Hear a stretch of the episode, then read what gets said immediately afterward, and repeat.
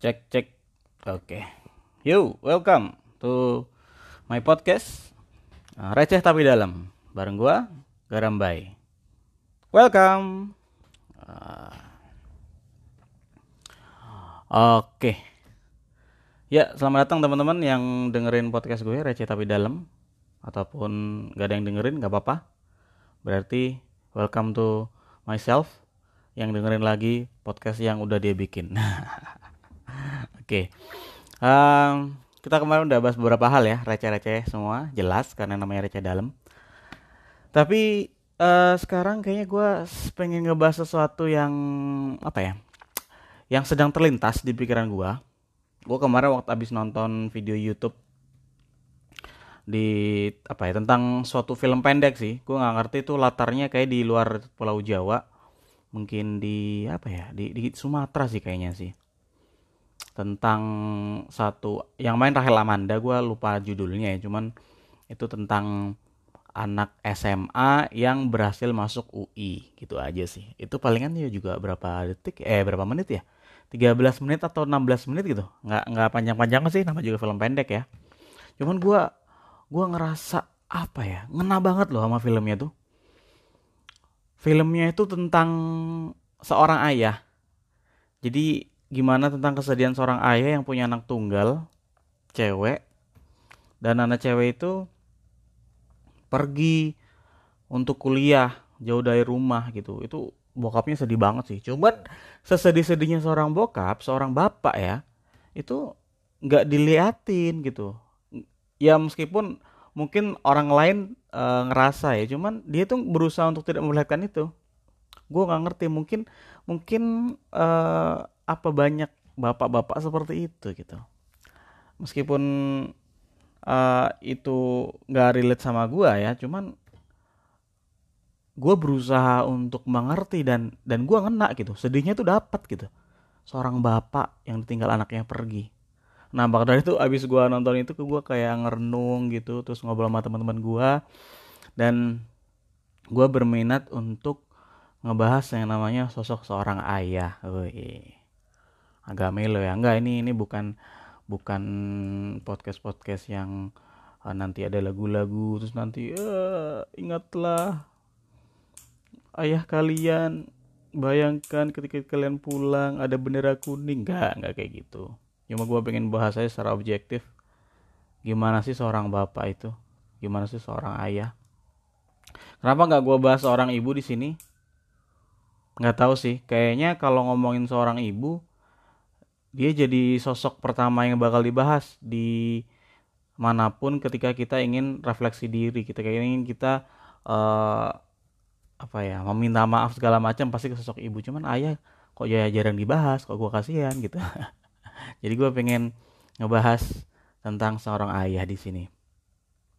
Tentunya eh, nggak uh, semua pendengar atau nggak semua orang itu beruntung bisa mengenal sosok ayahnya banyak orang-orang yang juga kita nggak nggak tahu bokapnya siapa. Atau atau mereka tahu cuman mereka nggak pernah sempet deket sama bokapnya. Karena mungkin ketika dia udah uh, masih kecil bokapnya meninggal atau meninggalkan keluarga dengan alasan apa pun mungkin saja seperti itu. Jadi um, adalah orang-orang yang tidak bisa merasakan kasih sayang seorang ayah atau sosok seorang ayah dan buat lo yang uh, masih bersama ayah atau setidaknya kita tahu bagaimana rasanya memiliki seorang ayah, ya saran gue lo bersyukur dan uh, jangan sia-siakan itu kalau emang lo sekarang masih sama uh, seorang ayah dekat dengan sosok seorang ayah. Uh, tentunya ya kalau ngomongin ayah, hmm, perlu dibahas juga sih sebenarnya tugas seorang ayah itu apa sih? Yang pasti kalau biasanya laki-laki ya, seorang bapak di keluarga itu adalah satu pimpinan dalam keluarga, pemimpin keluarga. Kalau di di Islam ngomongnya imam, dia adalah seorang imam. Dan biasanya juga dia adalah seorang sosok yang mencari nafkah. Dan apa ya? Biasanya adalah sosok laki-laki panutan pertama bagi seorang anak laki-laki dan cinta pertamanya bagi seorang perempuan, anak perempuan. Biasanya begitu. Yang pasti uh, banyak hal tugas-tugas orang ayah dan dan itu hal yang berat yang itu kita nggak nggak bisa ngerti sebelum kita jadi seorang ayah atau seorang bapak yang perlu diketahui ya teman-teman ya mungkin sosok seorang bapak di keluarga itu beda-beda ada yang cheerful ada yang uh, pendiam ada yang kaku cuman uh, yang pasti kebanyakan sosok seorang ayah yang ditampilkan dalam suatu keluarga itu adalah sosok laki-laki yang kuat, yang bisa diandalkan, yang tidak takut apa pun, yang bisa melindungi seluruh anggota keluarga. Biasanya begitu. Uh, gue inget ketika gue masih bocah dulu, bokap gue bukan sosok orang yang itu ya, bukan sosok orang yang uh, ngajarin gue buat ngelawan kezoliman di negara ini, di di kehidupan ini. Bukan kalau bener hajar aja nggak kayak gitu. Bokap gue bukan orang yang banyak teoritis juga yang banyak kasih pesan ketika kamu nanti gede gitu nggak nggak kayak gitu. Lebih ke pendiam sih. Lebih ke pasif dalam berbicara. Cuman gue inget banget tuh bokap gue selalu bilang kalau lu diganggu di orang di, di sama orang lain dan lu nggak bisa lawan di mana lu ngerasa bener bilang sama bokap. Bokap yang gak bakal bela. Di selama itu gue bener. Itu yang gue pegang prinsipnya. Nggak selamanya selama kita ngerasa kuat dan kita merasa lebih hebat jadi kita bisa ngebully orang lain kayak gitu. Itu bokap gue tapi yang perlu kita tahu juga ya sebenarnya bokap kita ayah kita itu bukan suatu sosok laki-laki sempurna di bumi ini gitu loh. Ya sekarang refleksin aja lu yang laki-laki kalau udah gede emang lu nggak takut apa pun? Ada men. Ada sosok-sosok yang uh, lu emang kudu takutin gitu. Maksudnya kalau selama kita beradu fisik ya lu sama orang yang lebih gede lu kalah gitu. Dan lu nggak bisa sosok berani sama orang kayak gitu kan tapi entah kenapa kalau sosok seorang ayah itu bisa kelihatan berani gitu loh. Gue dulu ngerasa bahwa bokap gue tuh orang yang paling berani. Dia nggak akan kalah sama kalau gue lihat tetangga-tetangga gue yang kelihatan lebih gede pun gue yakin bokap gue nggak kalah. Gue selalu memikir kayak gitu. Kalau orang lain ada preman di jalan gue yakin bokap gue menang sama preman itu. Karena entah kenapa entah bagaimana cara menanamkannya ya uh, eh, gue percaya bahwa bokap gue adalah laki-laki paling kuat di dunia waktu itu sampai pada suatu ketika gitu kan. Gue kan hidup di perumahan ya jadi uh, eh, gue punya tetangga-tetangga yang bocah-bocah anak kecil gitu. Uh, waktu itu bulan Ramadan bulan puasa gua nggak tahu gua umur berapa kayaknya sih mungkin gue SMP sih tapi gitu. Eh, atau SD ya kelas 5 kelas 6 lah mungkin. Waktu itu waktunya buka puasa azan maghrib biasanya kalau di tempat gue emang kalau bulan puasa itu kita gelar makanan tuh lesehan di ruang tengah. Jadi semua lauk semua jajanan tuh ada di situ kita buka bareng-bareng. Waktu itu itu mati lampu. Gue inget banget tuh. Mati lampu tapi kan nggak gelap-gelap banget ya karena masih maghrib kan belum malam. Tapi itu mati lampu dan saatnya orang berbuka. Jadi semua ngumpul di ruang tengah gitu. Nah gue tuh punya tetangga yang masih bocah. Gue nggak tahu umurnya berapa tapi dia suka suka masuk masuk rumah orang tanpa izin gitu namanya bocah gitu kan. Dan waktu itu emang uh, pintunya dibuka karena karena kita butuh cahaya dari luar juga. Waktu itu kan mati lampu. Nah waktu kita udah nyantap takjil ya bahasanya kalau kita waktu berbuka puasa tuh awal makan apa kayak makan es gorengan gitu kan. Kolak gitu kan. Nah itu lagi enak-enak tuh nyantap tuh. Lagi senyap tuh. Nah tiba-tiba dari ruang sebelah kamar eh, ruang sebelah yang kita tempatin waktu itu itu ada bayangan gede cuy ada bayangan gede datang sosok bayangan hitam gede tuh ngedekat kelihatan bahwa ada sosok yang masuk ke, rumah dan mau datang ke ruangan kita.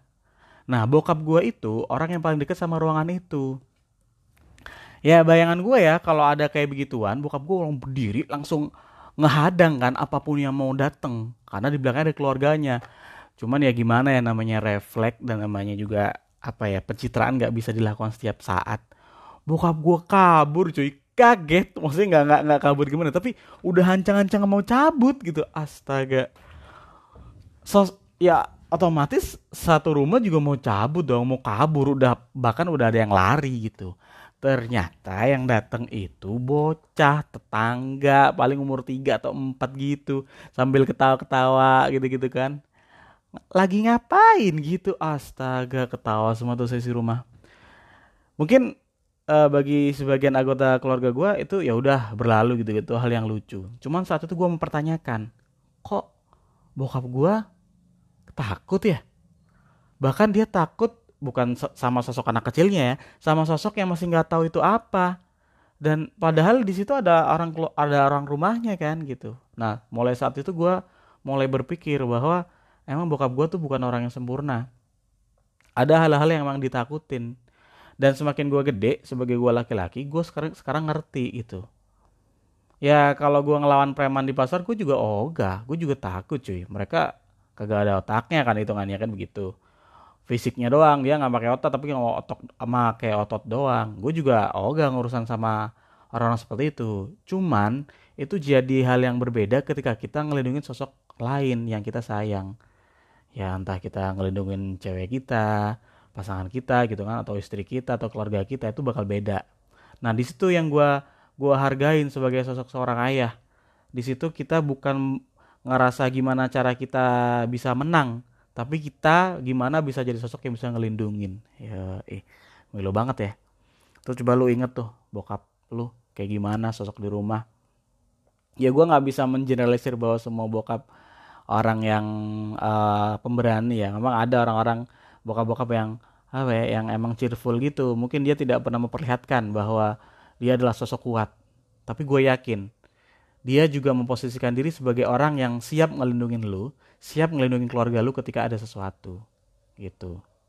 Luar biasanya seorang ayah.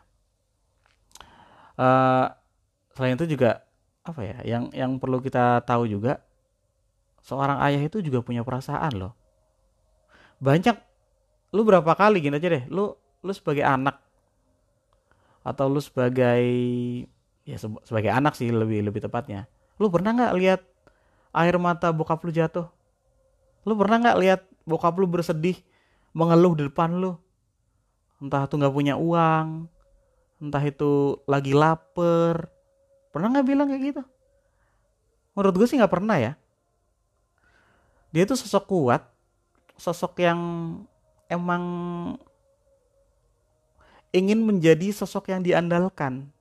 Dia nggak akan memperlihatkan sosok lemahnya di depan anak-anaknya. Itu yang gue rasakan. Dan ketika gue ngobrol sama teman-teman gue juga dia merasakan seperti itu. Gue juga punya temen yang udah uh, apa maksudnya dia gede dengan keluarga broken home ya. Bokap sama nyokapnya udah pisah. Tapi emang dia masih deket sama bokapnya ya sama meskipun dengan keadaan keluarga yang berantakan seperti itu bokapnya tetap memperlihatkan bahwa dia itu orang yang kuat bukan orang yang lemah bukan orang yang sedih banget ketika harus berpisah dengan istrinya enggak enggak kayak gitu selalu ditampilkan sebagai orang yang uh, kuat, tegar, selalu seperti itu. Dan itu gak gampang sih. Sebagai seorang manusia normal, pasti punya perasaan juga, pasti punya uh, apa ya hati yang yang yang bisa menampilkan keadaan apa pun. Cuman dia nggak perlihatkan depan lo. Gue uh, pernah kaget banget. Pertama kali bokap gue netesin air matanya itu depan gue karena waktu itu ada suatu suatu keadaan uh, eh, gue melewati masa-masa sulit gue bukan bukan ya bukan diambang kematian juga sih cuman itu adalah masa-masa sulit di mana cukup lama. Dan ya, di waktu itu gue juga ngerasa emang itu berat sih. Cuman gue nggak nggak nggak nyangka bahwa bokap gue ngerasa itu emang masa-masa genting banget buat gue ya maksud gue itu kan urusan gue gitu kan. Maksud gue itu itu emang itu penting buat gue cuman gue nggak segitunya. Tapi gue nggak nyangka loh bokap gue tuh ngerasa selega itu seseneng itu ketika gue bisa ngelewatin itu. Itu gue gue speechless sih. Bokap gue ngelak nge jatuhin air matanya buat gue di mana bu, saat itu gue itu nggak nggak segitunya merasa hal itu besar buat gue. Itu itu cukup nampol sih keadaannya. Gue nggak tahu sih pernah nggak bokap kalian uh, nampilin perasaannya meluap depan kalian? Nggak semua orang menurut gue bisa melihat keadaan itu. Karena memang bokap kita selalu ngerasa apa uh, memperlihatkan bahwa mereka adalah kuat. Normalnya juga bokap adalah orang yang susah untuk menampilkan rasanya untuk menyampaikan perasaannya itu susah. Uh, kalian yang rantau deh mungkin. Pernah nggak sih tiba-tiba nyokap kalian habis telepon telepon lagi telepon lagi gitu. Lu nggak akan tahu. Kadang-kadang yang pengen telepon tuh bokapnya atau bokap lu maksud gua. Tapi bokap lu tuh nggak ngomong lo di telepon lo cuman cuman ngingetin nyokap lu buat telepon. Dan ketika nyokap lu teleponan bokap lu cuma di sampingnya dengerin. Itu udah seneng banget dengerin suara anaknya. Beda loh emang beda. Gimana ya? Kalau nyokap mungkin uh, teleponan cerita banyak hal sama anak yang rantau itu um, emang menyampaikan rasa kangennya gitu. Tapi kalau bokap lo itu beda. Bokap lo palingan cuman cuman dengerin aja nyokap lo telepon nama lo. Terus dengerin senyum-senyum sendiri. Oh gitu, dia tahu kabar anaknya. Terus coba deh HP-nya dioper ke bokap lo. Ceming tuh gue yakin bingung mau cerita apa ya. Dan gue yakin lo jadi bingung juga mau cerita apa ya. Bokap lo juga diem gitu. Gue juga gue juga sering banget sih gue ngerasa sebagai anak perantauan kok gue telepon nyokap gue terus ya? Gue pengen lah telepon bokap gue gitu. Tapi emang ketika lu telepon sama bokap lu lu itu nggak punya bahan omongan yang sebanyak ketika lu ngomong sama nyokap lu. Dan nyokap lu juga eh bokap lu juga bakal kebingung mau ngomongin apa. Ya emang emang kayak gitu aja gitu bukan berarti mereka nggak sayang sama kita, eh, bukan berarti bokap lo nggak sayang sama lo ya, bukan berarti nggak peduli, tapi emang bingung aja buat mengungkapkannya gitu. Dan itu hal yang sangat wajar. Tapi jangan salah, kalau masalah rasa sayang, gue yakin sih, bokap lo juga sayang sama lo, yakin gue.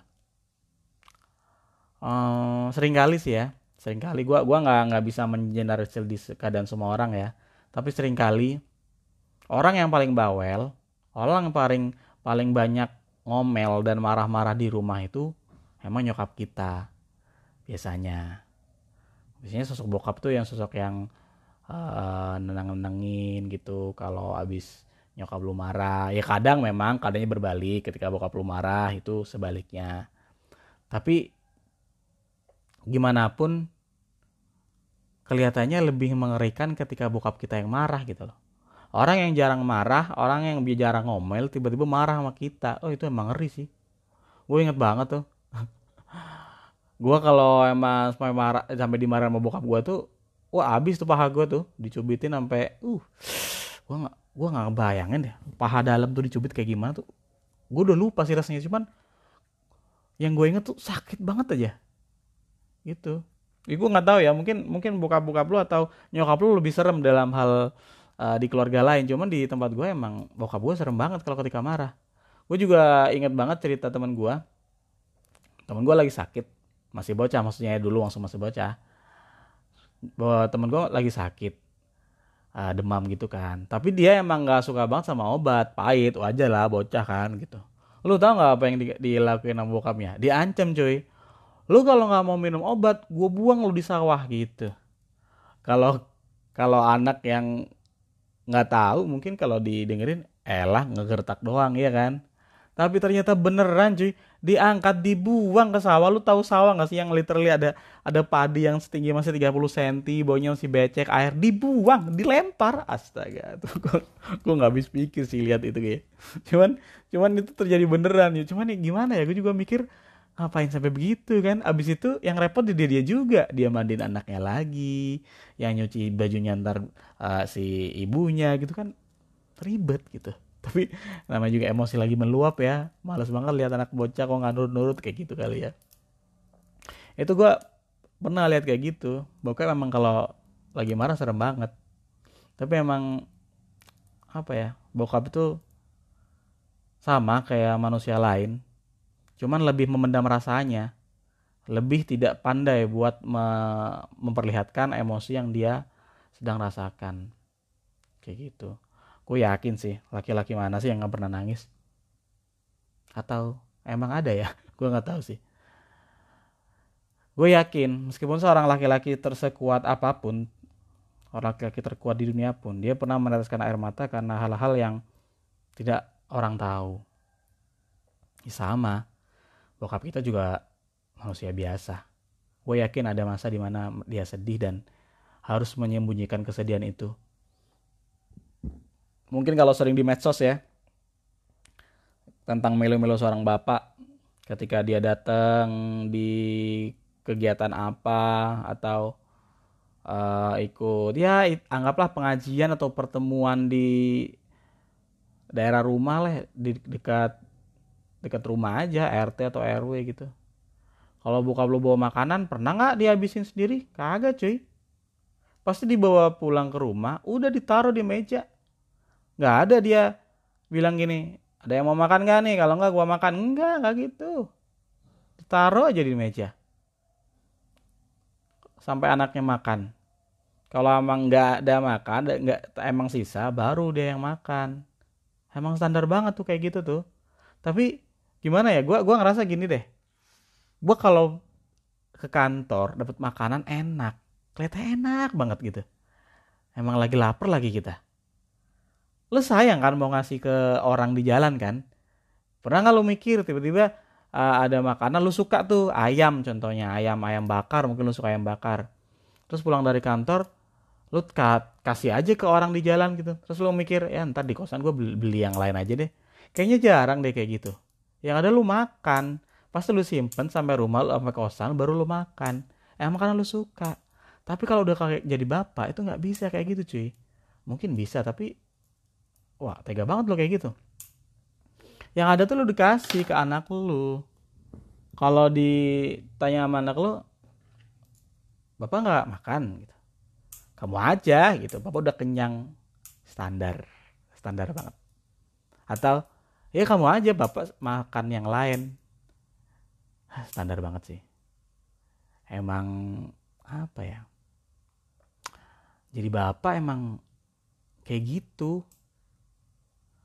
Ya emang emang pernah ketika bapak bawa makanan ke rumah terus bapak lu bilang ini ini enak banget tapi buat kamu. Yang enaknya buat kamu. Ayah yang lain aja. Yang lebih murah yang nggak ada cuy kayak gitu cuy. Nggak kan bokap lu bilang kayak gitu. Kalau ada sih oke juga nih bapak nih. Kagak ada filter filteran ngomong. Tapi bapak emang kayak gitu. Dia suka sayang tapi suka gengsi. Dia suka peduli tapi dia suka malu. Ya standar emang kayak gitu. Dan biasanya bapak itu kalau punya anak cowok uh bangga banget punya anak cowok tuh. Dan sebagai anak cowok harusnya lulu yang anak cowok minimal nih ya minimal. Kalau doa seorang orang tua kepada anaknya biasanya kan semoga menjadi anak yang soleh berguna bagi keluarga mengharumkan nama keluarga berguna bagi bangsa. Gak usah ribet-ribet deh. Cukup jadi anak laki-laki yang bisa lu eh, yang bisa bapak lu banggain. Udah cukup kayak gitu. Gak usah muluk-muluk. Bokap lu pengen apa minimal lu bisa jadi kayak gitu. Bukan tentang profesinya ya tapi tentang gimana jadi manusianya. Gue yakin minimal itu udah ngebahagiain bokap lu. Udah bisa setidaknya membalas um, jasa-jasa selama dia selama ini. Kalau tentang anak perempuan, gue yakin sih dia sayang banget sama anak perempuannya. Lu tau, aku lu kebayang nggak jadi bapak yang ngegedein anaknya dari kecil sampai gede, terus tiba-tiba ini standar ya kata-kata ini ya, ada orang ada anak laki-laki lain yang kita nggak tahu belum tentu kenal sama dia belum belum kenal banget tiba-tiba pengen nikahin anak kita gitu anak cewek kita. Berat cuy lu siapa lu tiba-tiba datang buat pengen nikahin anak gua? Kan gitu. Tapi ketika itu masa emang datang ya ya bagian gimana? Emang emang udah waktunya dia hidup sendiri gitu. Anak kita maksudnya. Seorang bapak udah nggak bisa ngalangin banyak. Ya eh sorry ini gue bukan nangis ya. Gue lagi emang lagi pilek aja. Jadi emang seorang bapak punya peranan yang yang yang spesial di mata anak-anaknya dan ya buat lu yang sekarang masih punya bapak gitu gue gua yakin sih ini ini nih konsep gue ya kalau lu bersama bapak lu nggak pernah pisah dari dulu, dari pertama lahir sampai mungkin di usia sekarang gua nggak tahu usia lu berapa, gue yakin rasa sayang itu nggak akan segede eh, masih rasa kangen, rasa menghargai itu nggak akan terlalu berasa. Kalau lu emang hidup selama ini selama sama, selalu sama dia. Tapi ketika lu ngerantau, bahkan ketika mungkin sekarang bokap lu udah nggak ada, lu bakal ngerasa kangen banget. Lu ngerasa bahwa kehadiran dia itu sangat dibutuhkan dan lu suka sama itu.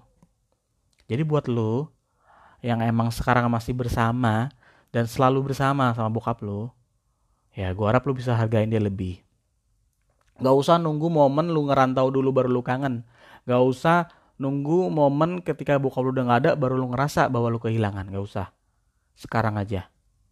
Gue serius tentang ini.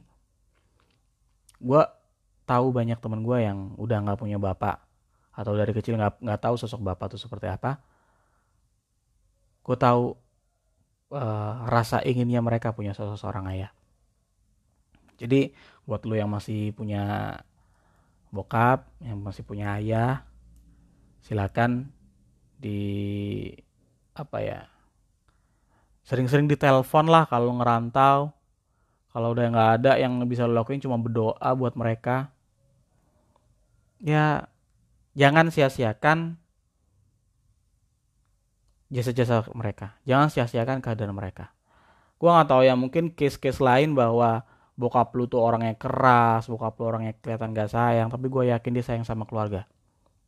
Lu tahu nggak sih buat yang belum kerja ya, lu nggak akan tahu rasanya kerja itu setiap hari tuh kayak gimana. Bosen cuy. Kerja, melakukan hal yang sama. Ya nggak pernah lu bokap lu usaha deh, nggak nggak kerja di kantor. Emang lu pikir nggak bosen jualan tiap hari? Emang lu nggak bosen melakukan hal-hal untuk mencari uang selama bertahun-tahun gitu. Tapi dia lakuin tuh bukan cuma buat ngidupin dia sendiri, enggak. Dia juga mikirin keluarganya. Mungkin dia bisa, ah gue ntar pindah lah ke tempat kerja lain, gue resign dulu lah. Atau gue berhenti melakukan hal yang sekarang gue lakuin, gue mau kerja tempat la- di hal yang lain gitu. Bisa. Cuman masalahnya, dia punya lu. Dia punya keluarga yang bisa yang harus dihidupin gitu. Nih, ini yang gue rasain sekarang ya. Jadi seorang bapak, kadang ketemu emang ada wanita-wanita baik yang emang, aku tuh mau ngedampingin kamu dari nol. Gak usah nunggu sukses, yuk kita nikah dulu segala macem. Ntar kita bangun keluarga bareng-bareng. Bukan gak mau bareng-barengnya, bukan. Tapi lu jadi laki-laki ngelihat anak lu, bini lu makannya susah. Meskipun bini lu bilang gak apa-apa, meskipun anaknya masih ketawa-ketawa bahagia. Itu miris cuy. Sakit jadi bapak tuh kayak begitu. Ini kurang lebih kayak gitu sih. Uh, jadi bapak adalah orang yang pengen diandalkan. Dan harusnya bisa diandalkan dalam keluarga. Tapi jadi anggota keluarga selain bapak, gue harap lo bisa ngerti gue harap orang-orang bisa menghargai bahwa seorang laki-laki di keluarga itu juga berusaha memang untuk bisa diandalkan ya gue berharap dan berdoa semoga uh, sosok bokap di rumah lu atau lu yang masih yang sekarang menjadi seorang bapak atau akan menjadi seorang bapak lu bisa menjadi seorang laki-laki yang baik yang bisa diandalkan sama keluarga. Gue tahu banyak laki-laki brengsek di luar sana. Gue tahu banyak laki-laki bejat yang yang nggak terlalu sayang sama keluarganya. Brengsek banget lah pokoknya lah gue tahu tapi gue berharap lu bukan orang seperti itu dan gak akan jadi seperti itu dan lu dijauhkan sama orang, -orang seperti itu. Tapi ketika memang bapak lu emang seperti itu tapi itu tetap bokap lu loh jangan. Jangan dijahatin juga lah. Doain setidaknya. Menurut gua minimal uh, sosok seorang bapak itu adalah benchmark. Benchmark minimal. Kalau anak perempuan mungkin itu jadi benchmark minimal bahwa laki-laki yang akan nemenin dia jadi pasangan hidup minimal kayak bapaknya minimal. Dan lu cari yang lebih. Dan jadi anak laki-laki setidaknya lu punya benchmark minimal lu jadi laki-laki yang kayak gitu minimal. Dan gua harap lu berusaha untuk lebih. Yaudah gitu aja. Gua nggak nggak berasa udah ngomong 30 menit ngomongin tentang sosok seorang ayah yang pasti sosok seorang ayah adalah sosok spesial di di keluarga ya semua punya peran spesial masing-masing dan jangan lupa lu tetap hargain bokap lu tetap sayang sama bokap lu dan doain yang terbaik buat mereka. Gue berharap lu sama bokap lu bisa punya hubungan yang baik dan lu bakal jadi bokap yang baik kalau laki-laki ya. Udah gitu aja. Salam sama bokap lu ya. Salam sama bapak lu. Jangan lupa ditelepon. Jangan lupa didoain. Jangan lupa kalau bokap lu juga manusia biasa. Oke gitu aja. nggak ini bukan episode melo ya gue cuma pengen ngingetin aja tentang bokap tuh kayak gimana oke thank you udah dengerin gue jangan lupa dengerin episode yang lain setiap Senin sama Kamis kayak puasa ya nggak ada hubungannya sih oke thank you gue Garambai ini podcast gue podcast receh tapi dalam. See you. Ciao. Thank you